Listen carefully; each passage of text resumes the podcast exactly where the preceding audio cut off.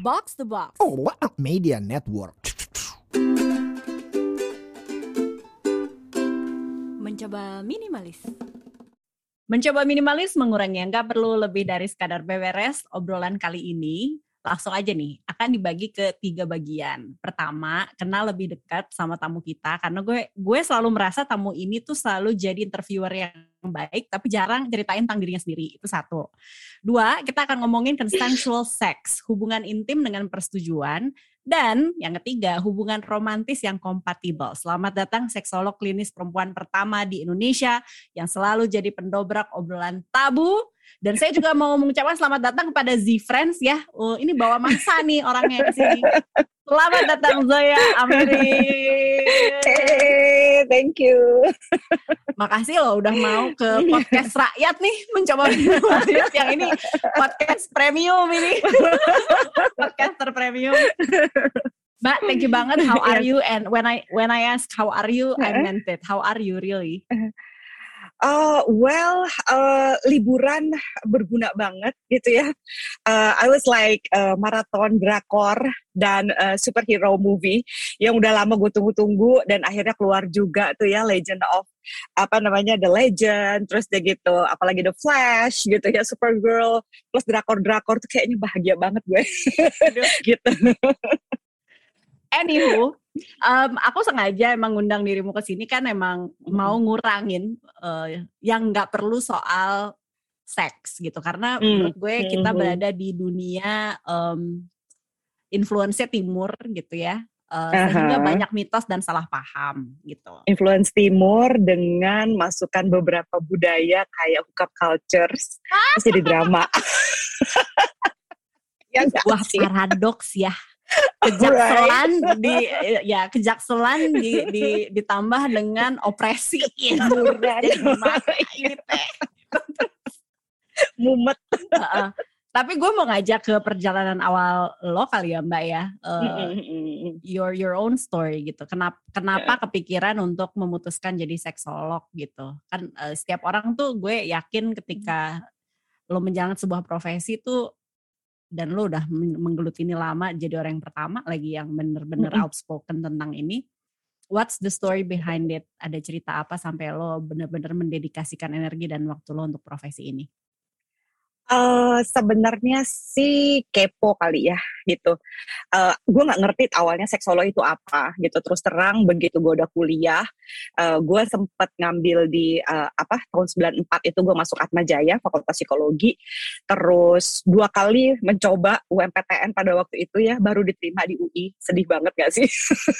dua kali nyoba dulu, panjang perjuangannya gitu ya. Terus akhirnya gue uh, masuk di UI gitu ya. Dan selalu ada lah gitu ya uh, semacam ya namanya juga anak remaja gitu ya pacaran ini itu gitu ya. Terus gue apa nih gitu ya cinta gitu ya eh, jatuh cinta patah hati and so on and so forth. Tapi soal seks itu nobody really talk to me gitu ya blatantly gitu. Except my mom. Kayak mulai dari ciuman pertama gitu ya menstruasi and so on and so forth. Tapi when uh, uh, ketika gue growing up gue nggak melihat orang tua yang lain kayak mak gue gitu. Se sesantai itu gitu ngomongin apa aja. Termasuk dia membicarakan drama-drama yang terjadi di sekitar keluarga besar kami. Termasuk juga pengalamannya dia sendiri. Tapi in the manners yang menurut gue tuh apa ya anes gitu ya. Kayak eh uh, semua orang tuh ada tuh bagian misalnya berantemnya, terus dia gitu ada penolakan seksnya, ada selingkuhnya walaupun ketutup, ada yang sebenarnya baik-baik aja dan bener-bener baik-baik, ada yang pura-pura baik-baik. Itu kayak gitu-gitu tuh selalu ada gitu dan di di meja makan nyokap gue itu selalu berkumpullah uh, teman-temannya om gue gitu dan saudara-saudara dan siapa pun yang punya masalah akan berakhir di meja makan itu dan dibantu mama gue gitu mungkin gara-gara itu kali gue jadi psikolog ya and then uh, begitu udah lulus psikologi eh, eh begitu udah udah semester mau semester semester akhir kok gue nggak terlalu banyak belajar tentang seks kecuali gue belajar tentang ya hormon itu karena di faal atau uh, uh, apa uh, uh, di biologi. Tapi kok nggak ada yang benar-benar hasilnya ngomong tentang seks. Sampai akhirnya ada kelas pilihan profesor uh, profesor uh, Sarlito Wirawan Sarwono tentang perilaku seksual gitu ya ya gue ke sana lah gitu. Dan di sana tuh gue kayak fireworks gitu. Maksud gue gila dunia ini luas banget men gitu. Ternyata jatuh cinta dan seks itu tidak senatural itu gitu. Uh, you, sh you should learn about this gitu ya. Dan begitu gue ambil kelas itu padahal itu cuma kelas pilihan gitu ya. Uh, terus Mas Ito nawarin gitu kan, gue udah mesti bikin skripsi juga waktu itu dan udah persiapan pernikahan. Dan Mas Ito nawarin mau nggak jadi asisten saya? Ya mau lah, gue kan gue bukan anak pinter gitu gue termasuk anak yang iya hore gitu. Gue senang menikmati belajar kuliah tapi gue bukan anak yang kayak oh, juara kelas gitu ya. Gaul banget juga enggak biasa-biasa aja gitu ya. Gue menikmati hidup gitu. Jadi gue nggak pernah nyangka hah gue bakal jadi asisten dosen. Gila hebat banget gue gitu kan ya. Ya nurut aja gitu kan di jangka pas itu. Karena waktu itu ada beberapa paper gue yang pas mas itu sampai gini, lo kamu kepikiran kayak gini gimana gitu? You need to be more open minded segala macam. Sebenarnya sih kritik, tapi gue nggak berasa kayak dikritik, gue berasa benar-benar kayak belajar. Dan di situ gue kaget semua sebagian besar pertanyaan gue growing up tentang seks, ciuman, pacaran gitu ya, uh, malam pertama gitu, perselingkuhan, and so on and so forth. Itu tuh kejawab di kelas itu gitu. Dan gue makin kepo gitu ya sama uh, segala macam. Sampai akhirnya gue bikin skripsi gue tentang konsep kesetiaan. Jadi ada konsep kesetiaan beberapa laki-laki yang dia setia pada pasangannya gitu ya, pada pada tunangannya. Jadi dia tidak melakukan hubungan seks kepada orang yang akan dia nikahi, tapi dia berhubungan seks dengan perempuan-perempuan yang pada saat itu istilahnya ya zaman dulu banget itu adalah perempuan-perempuan yang bispak ya bisa dipakai gitu ya.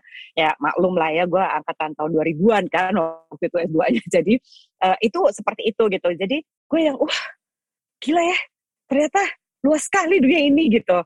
Uh, dan seksualitas itu bener-bener bervariasi gitu dan lo nggak bisa ngejudge gitu dan lo nggak bisa menganggap bahwa apa yang lo percaya itu adalah yang paling benar gitu lo mesti belajar menghargai orang lain dan so on so forth sampai Mas Ito bilang ayo hmm, aku aja ke Asosiasi Seksologi Indonesia kenalin sama Prof. Wimpi Pangkaila, Alex Pangkaila, Arif Adi Mulya. Jadi semua pembesar-pembesar seksolog gitu, seksologi di negara ini gitu di, dikenalin dan waktu itu juga ada uh, almarhum uh, Mike L. Tobing gitu ya. Wah, gitu kayak gue kayak starstruck dong gitu. Ini semua orang yang bukunya gue baca, gue pelajari, terus ketemu sama orang itu kayak wah gitu ya. Uh, and then begitu kenal sama mereka terus jadi asistennya Prof Sarito dan iya long story short jadi asisten dosen terus jadi dosen ngajar and then melakukan penelitian tentang itu gitu ya helping people uh, terus akhirnya um, apa mengalami masalah pernikahan uh, sampai sebelum divorce akhirnya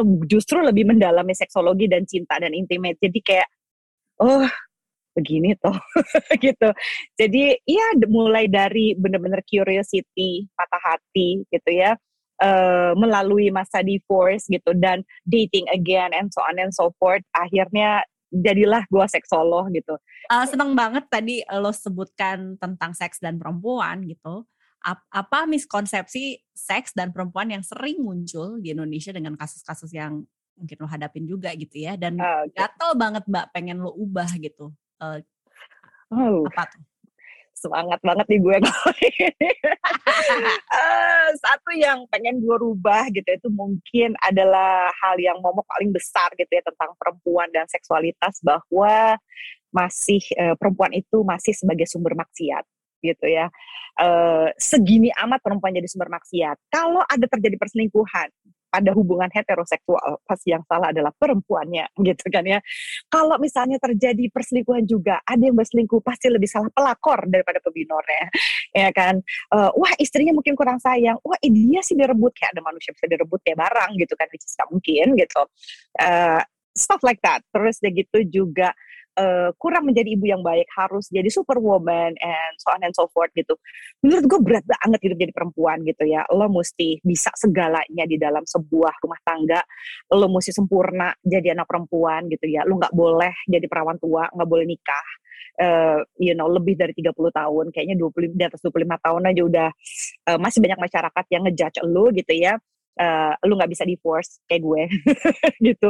Lo nggak bisa jadi uh, apa sih namanya uh, lu harus bertindak dalam koridor-koridor uh, masyarakat which is itu masih kuat juga ya. Uh, sama kayak gue nonton film Korea dan di sini gue pikir juga masih ada tuh nilai-nilai kayak gitu ya bahwa perempuan itu benar-benar masih kayak sumber maksiat jadi lebih banyak double standar ya buat perempuan gitu dibandingkan buat laki-laki gitu. Dan uh, se apa ya budaya patriarki yang semakin kuat juga dalam khususnya dalam urusan seks itu justru gitu ya honestly speaking lebih membahayakan eh, laki-laki uh, sendiri sih dan lebih merugikan bukan membahayakan aja tapi kayak merugikan laki-laki sendiri dibandingkan perempuannya gitu ya. Kalau perempuan memang jadi relatif dalam budaya patriarki itu cenderung jadi korban gitu ya uh, karena dia sumber maksiat. Tapi laki-laki sendiri justru uh, laki-laki yang lebih patriarki yang nggak pro feminis pro feminis dalam konteks itu nggak pro kesetaraan gender justru lebih apa ya lebih susah menikmati maskulinitasnya gitu.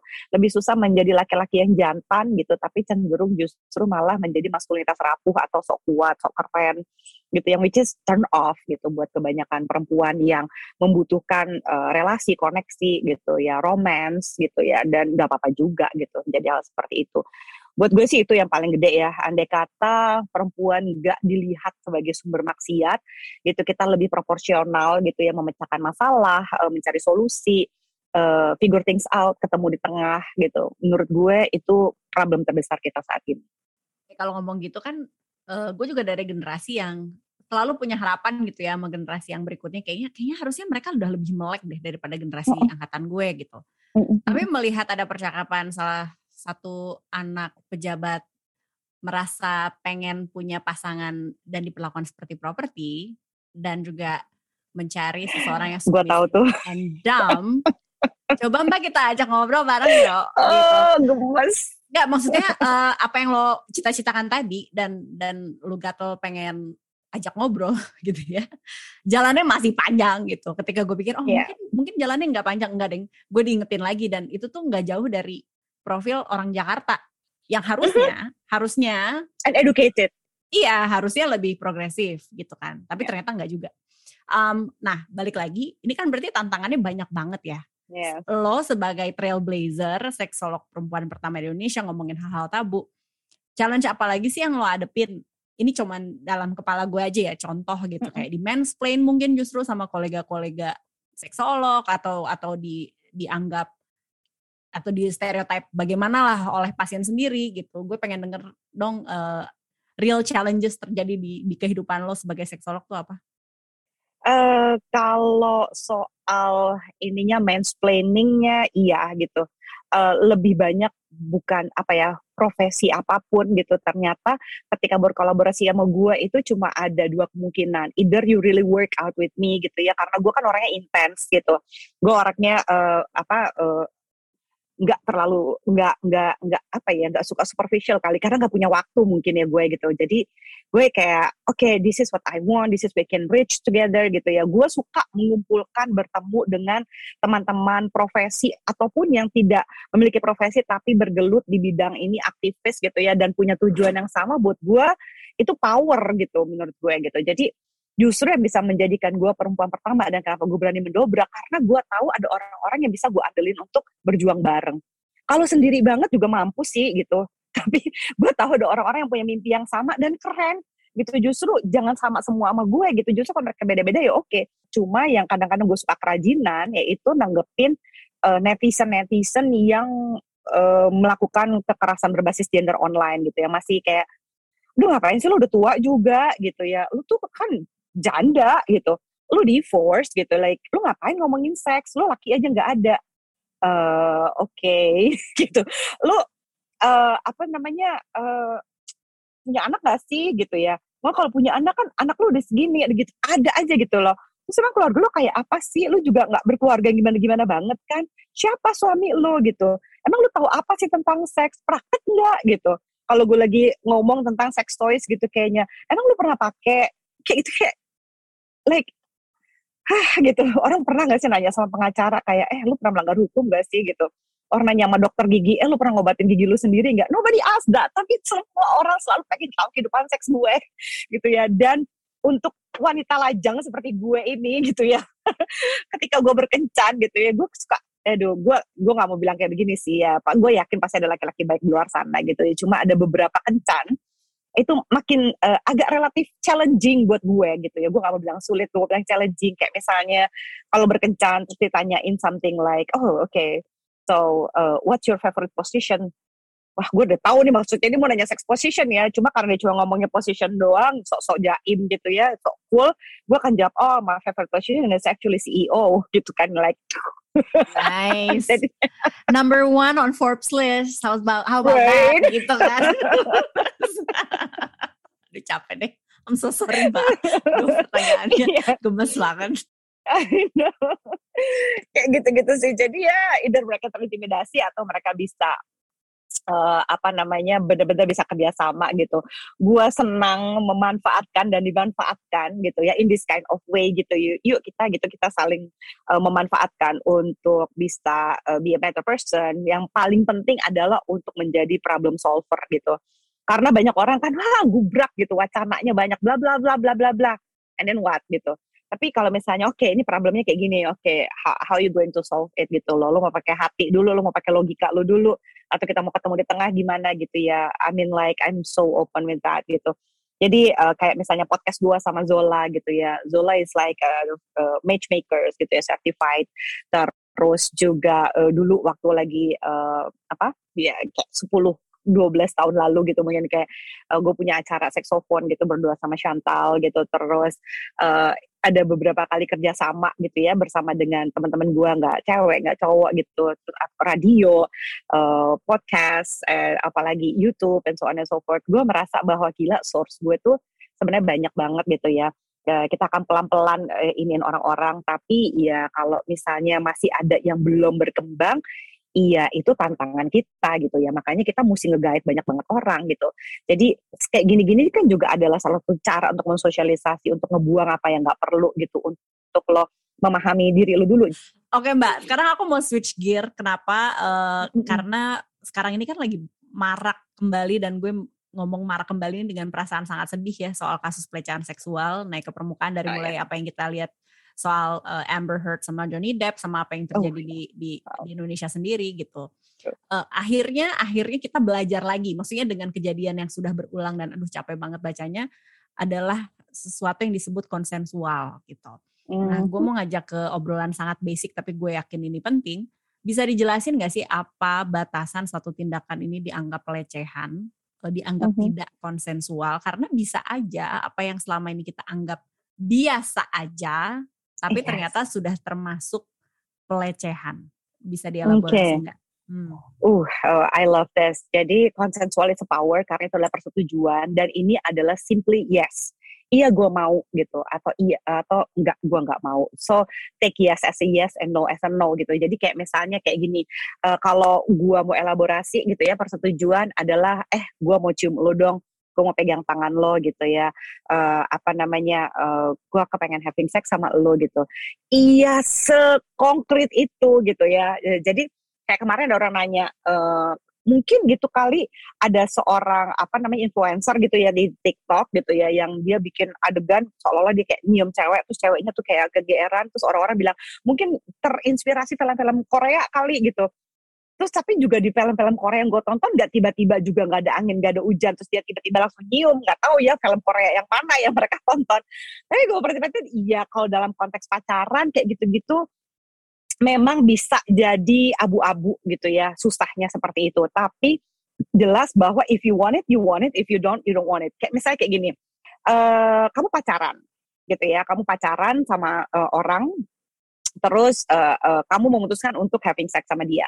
Having sexnya persetujuan benar-benar persetujuan kedua belah pihak gitu. Eh terus tahu-tahu terjadilah stealthing gitu ya. Stealthing itu di, eh, di tengah-tengah hubungan seks yang disetujui bersama bahwa oh I want to have sex with you. Iya gue juga mau. Oke okay. then having sex. Setuju nih pakai kondom nih sama-sama gitu. Tapi di tengah-tengah hubungan seks itu kondomnya dicopot gitu.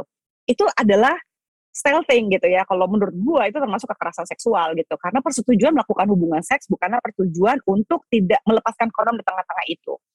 Terus abis hubungan seks nih gitu ya misalnya eh, udah pisah nih gitu. Oh iya aduh tadi enak ya bla bla bla teks gitu ya segala macam. Terus tahu-tahu si let's say lah cowoknya gitu bilang gini eh kirimin dong foto pocket lo cie gitu ya. Atau kirimin dong foto underwear lo cie gitu. terus gitu eh, si ceweknya ah enggak ah aneh ah. Ya udahlah kita kan udah having sex udah lihat lo semua gitu. Ayo dong pap foto dong pap foto gitu. Enggak ah nggak mau gitu. Jangan dipaksa itu juga persetujuan. Jadi karena dia sudah having sex sama lu dan lu udah lihat dia semuanya bukan berarti dia harus menyetujui untuk uh, mengirimkan foto itu. Terus let's say direkam gitu ya. Rekamnya disetujui, iya disetujui. Jadi kalau rekamnya tidak disetujui tentu saja ya itu nggak boleh gitu.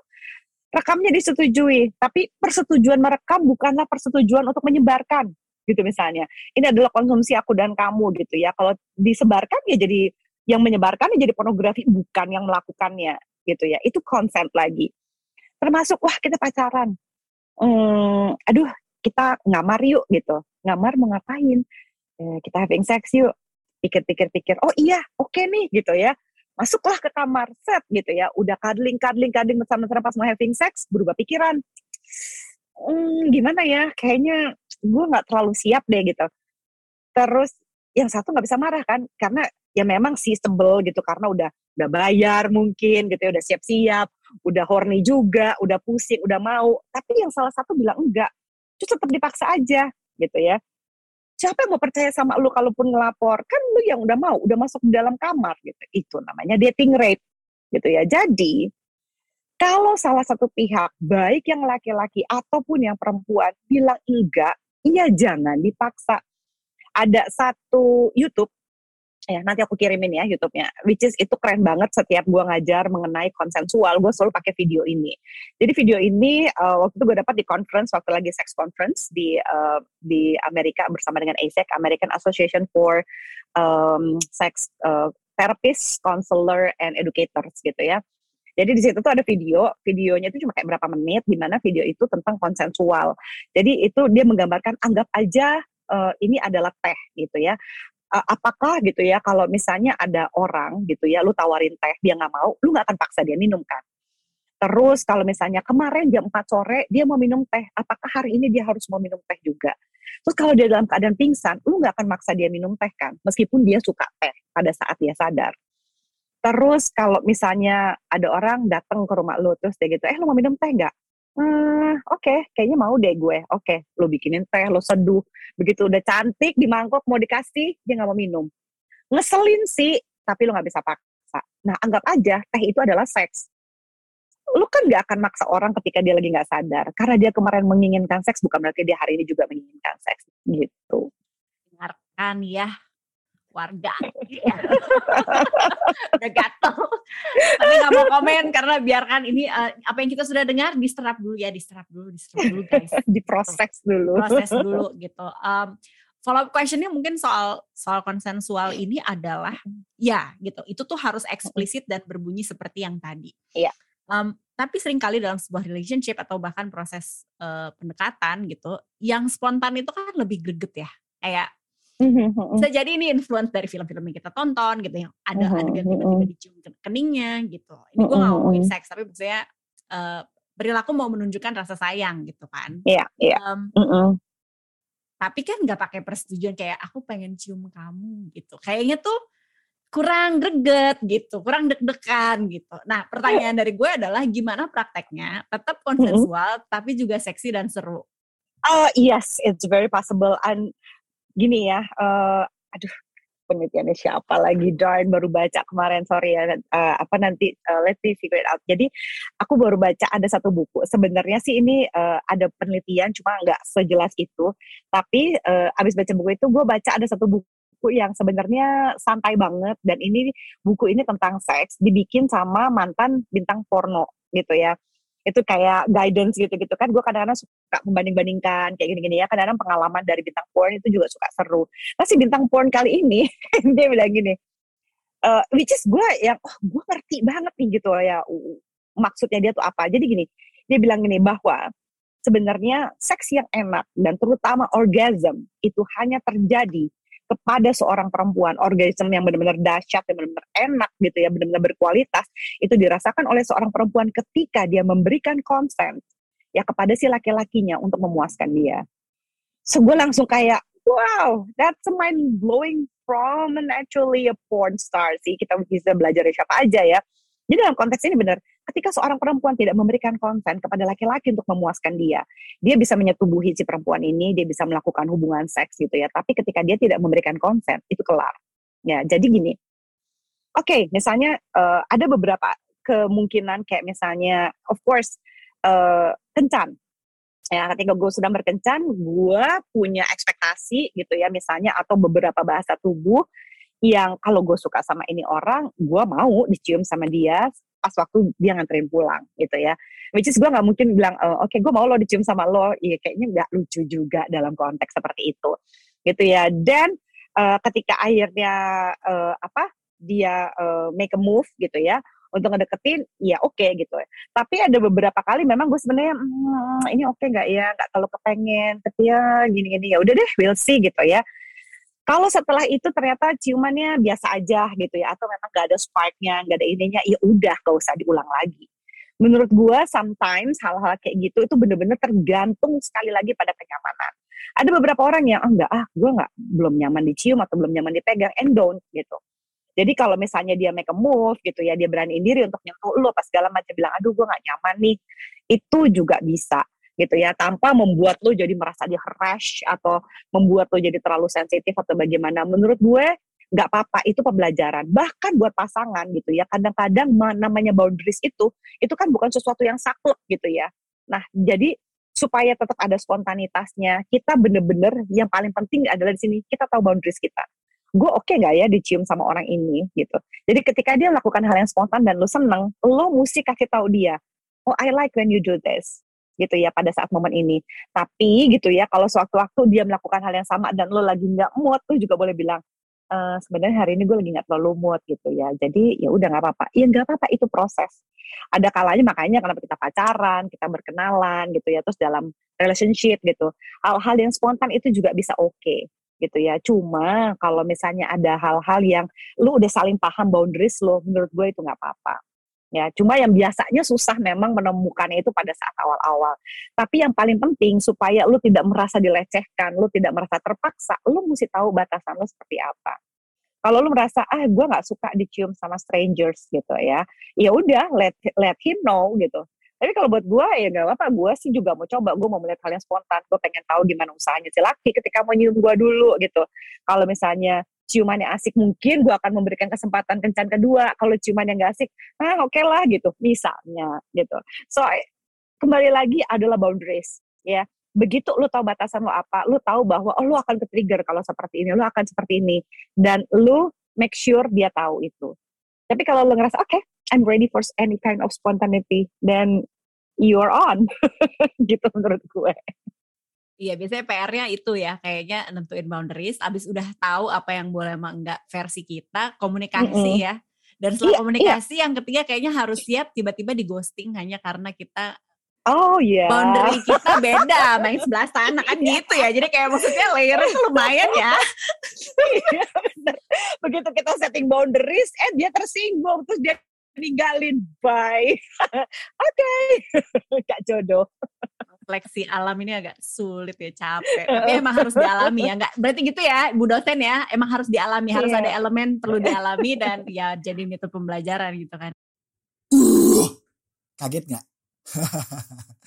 Gantian gue Avo yang mau potong dulu obrolan ini di sini. Seru ya. Minggu depan Zoya akan ngobrolin soal efek kebanyakan nonton Pornhub yang ternyata bisa punya pengaruh ke otak dan sensasi badan kita. Wih, Jangan lupa share episode ini kalau lo suka dan kasih review bintang 5 di Spotify biar gue sama Puri makin semangat bikin episode-episode keren. Hehe. Aku caps. Dah. Mencoba minimalis.